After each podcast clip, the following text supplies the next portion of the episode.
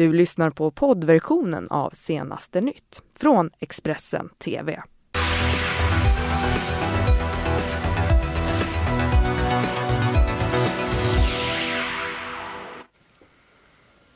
Välkomna till senaste nytt fredag med mig Fredrik Lenander. Vi tar en titt på rubrikerna.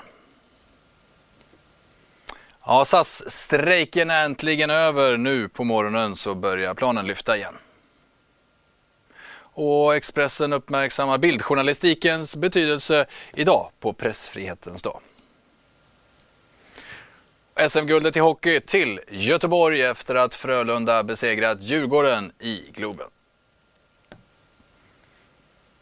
Mm, nu börjar sändningen med att berätta att eh, sent igår kväll så inleddes en ny häktningsförhandling mot svenske programmeraren Ola Bini som sitter frihetsberövad i Ecuador. Bini står anklagad för att ingå i någon form av komplott för att underminera landets regering. Detta genom att hacka telefoner och konton tillhörande privatpersoner och regeringen. Detta kommer ju efter kölvattnet av eh, gripandet av Julian Assange i London på ambassaden just hos Ecuador och Bini och Assange uppges då ha varit bekanta. Vid halv fyra tiden i natt så meddelade Ola Binis föräldrar Expressen via sms att sonen kommer att hållas kvar i häktet och vi fortsätter följa den storyn helt klart. Nu till SAS-strejken för efter en lång väntan på presskonferensen igår kväll så dök SAS VD Rickard Gustafsson upp i salen på huvudkontoret i Solna och kunde förkunna att strejken var nu äntligen över. Våran reporter från Dina Pengar-redaktionen, Leif Brännström, fick en intervju med SAS-chefen.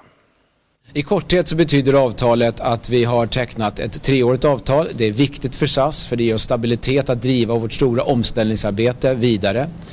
Det är ett avtal som i sin omfattning i Sverige ligger i linje med det, så kallade märket på svensk arbetsmarknad.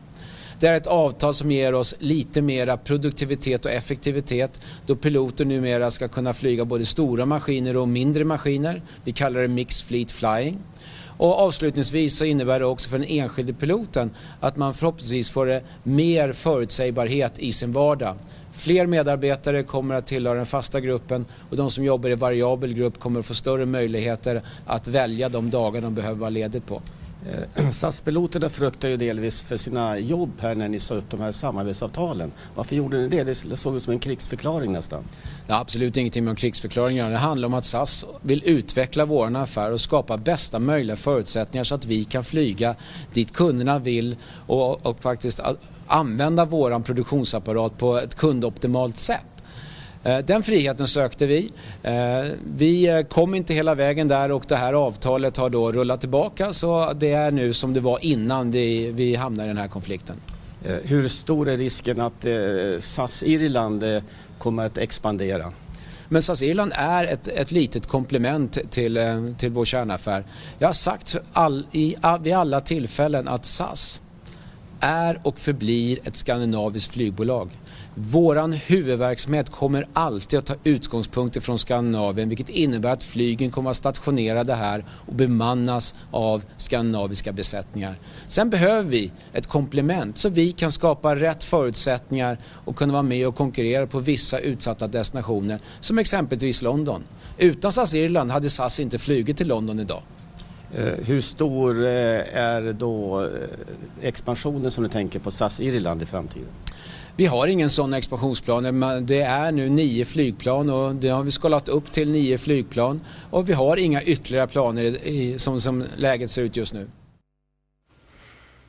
Då säger vi välkommen till sparekonomen Joakim Bornold på Söderberg Partners som ju kommenterat den här flygstrejken till och med sent in på gårdagskvällen. Ja, god morgon Joakim, välkommen. Eh, vi hör SAS VD här, Rickard Gustafsson, prata om att SAS ska förbli det bolag som man har varit med eh, den typen av piloter och att det inte ska bli någon större förändring. Vad innebär det här avtalet egentligen? Vad det innebär är att man faktiskt idag börjar flyga igen och får de här flygplanen i luften och det är väl kanske det allra viktigaste för, för alla oss kunder till SAS eh, som, eh, som behöver SAS och, och använder eh, deras tjänster. Så det är väl det viktigaste. Men det innebär ju också att nu är det tre år då man har ett avtal och det blir lite mer lugn och ro kring det här. Därför att det var ganska stormigt kring piloterna även innan den här strejken och de här förhandlingarna som de har, har, har haft med SAS har ju förstås tagit mycket energi och kraft även inför den här strejken. Eh, så att det är skönt att det är över och så kan man koncentrera sig på det man ska göra, att, att flyga flygplan. Nu när du fått sova lite på saken, eh, vilka skulle du se som eh, största vinnarna och förlorarna i den här konflikten? Ja, men aktiemarknaden som jag också följer då förstås, de, de kommer alltid tycka att arbetsgivaren förlorar och får betala alldeles för mycket. Men, men eh, tittar man från utgångspunkten så eh, får man nog säga att piloterna kanske fick krypa till korset till slut. Eh, man underskattar nog SAS vilja att ta den här fighten. Eh, man får ändå inte ut så mycket. Man får tillbaka några av avtalen. Man får kanske lite högre lön än, än, än, eh, än vad man hade innan eh, än, än förslaget var innan. Så att, man vinner lite grann med en pyroseger. Eh, piloterna går tillbaka med eh, ett minskat förtroende tror jag hos allmänheten men eh, också säkert ett betydligt sämre klimat mellan sina arbetskollegor. Jag tror inte att övriga eh, arbetstagare inom SAS är så där jätteimponerade över den här strejken. Samtidigt har bolaget då tappat eh, en hel del slantar under den här eh, veckan. Det är ju eh, hundratusentals resenärer som då inte har kunnat flyga. Vad, vad betyder det för SAS i ett längre perspektiv? Det är enorma pengar eh, förstås. Eh, och, och, och 2019, ja det är ett förlorat år för SAS resultatmässigt. Eh, det kan vara så att halva vinsten eh, försvann här. Vi får se. Det kommer man räkna ut och kommer man berätta när man släpper sin kvartalsrapport och det är i slutet av maj här. Men det viktiga för SAS Eh, är faktiskt inte de pengarna utan det är hur mycket kostar besättningen och piloterna. Och där tycker jag man kom undan ganska så billigt faktiskt. Så att eh, ja, någon slags seger är väl det och det är det som är det viktigaste och det som kanske aktiemarknaden fokuserar på också. Då.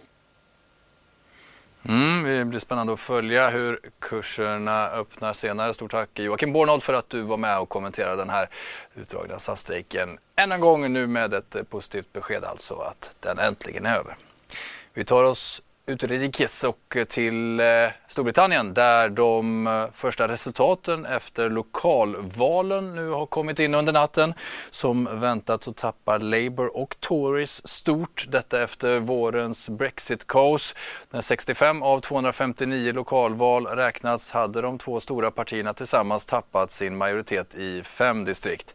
Lokalvalen hölls enbart i England och Nordirland. Rösterna i Nordirland börjar räknas nu under morgonen.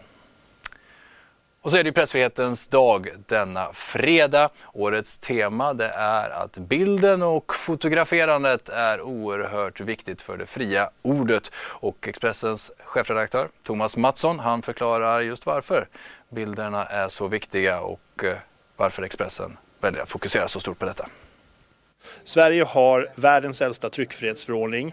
Det finns ett starkt stöd för yttrandefrihet. Men också i Sverige har vi problem med nya lagar som inskränker offentlighetsprincipen, som gör det svårare att jobba journalistiskt och som alltså insk det här inskränker medborgarnas möjlighet till insyn i den offentliga förvaltningen. Så vi manifesterar idag för det fria ordet och vi tänker på kollegor utomlands som jobbar under farliga förhållanden. Men vi ska också komma ihåg att även i Sverige behöver tryckfriheten försvaras även 2019.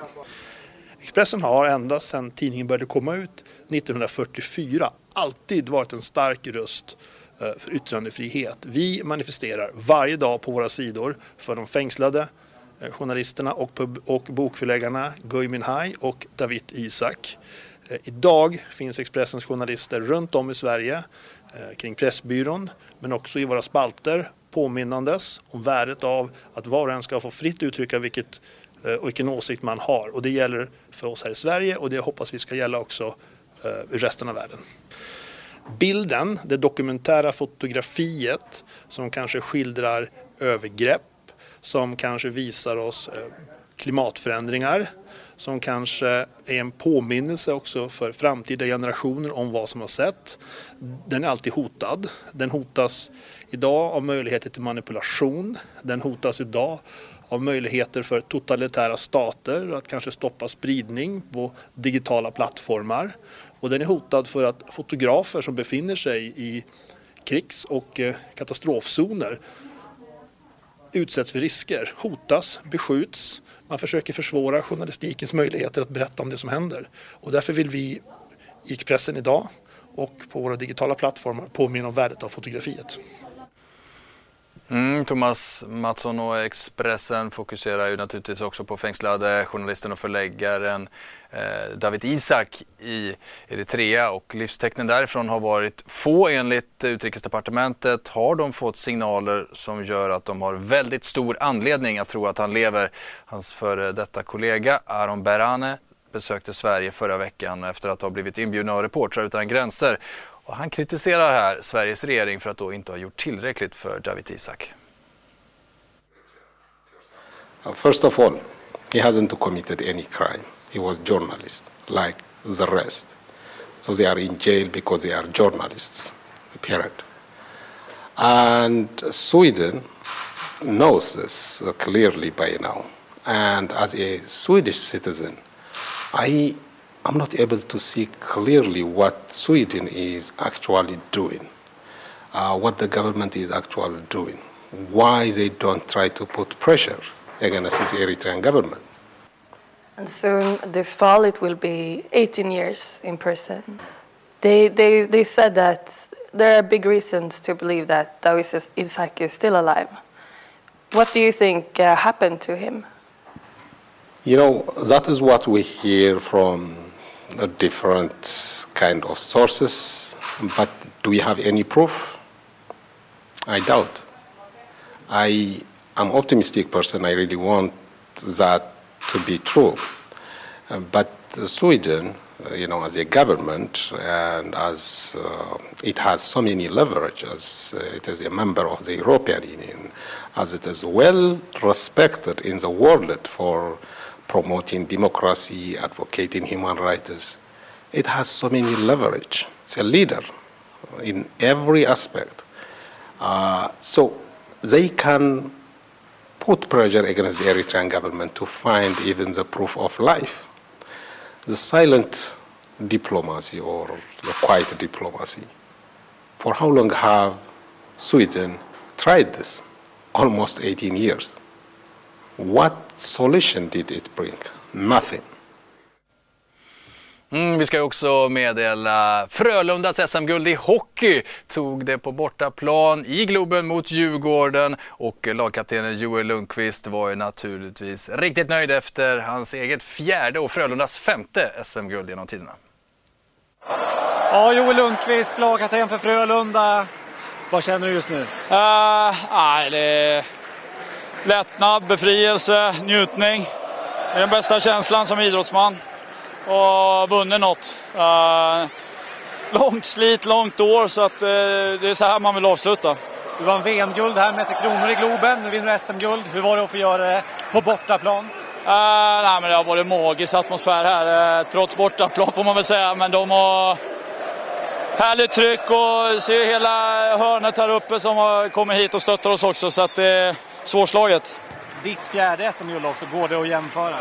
Alla har sitt eh, slit och jobb bakom. Det är mycket, eh, mycket bakom varje medalj, så man vill liksom inte rangordna. Det är, det är klart att det betyder att vin, vinna tidigt i karriären och få en förståelse. Men man, jag tror man uppskattar och njuter mer idag som lite mer rutinerad.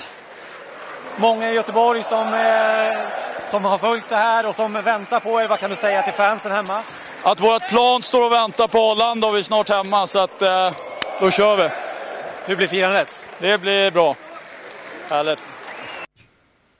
Mm, de landade i natt och det var vilt firande på Avenyn bad i fontäner kan vi räkna med. Vi eh, grattar naturligtvis göteborgarna. Och... Du har lyssnat på poddversionen av Senaste nytt från Expressen TV. Ansvarig utgivare är Thomas Mattsson. Poddtips från Podplay. I podden Något Kaiko garanterar östgötarna Brutti och jag, Davva, dig en stor dos skratt. Där följer jag pladask för köttätandet igen. Man är lite som en jävla vampyr. Man har fått lite blodsmak och då måste man ha mer. Udda spaningar, fängslande anekdoter och en och annan arg rant. Jag måste ha mitt kaffe på morgonen för annars är jag ingen trevlig människa. Då är du ingen trevlig människa, punkt. Något Kaiko, hör du på Podplay. Därför är gardinerna.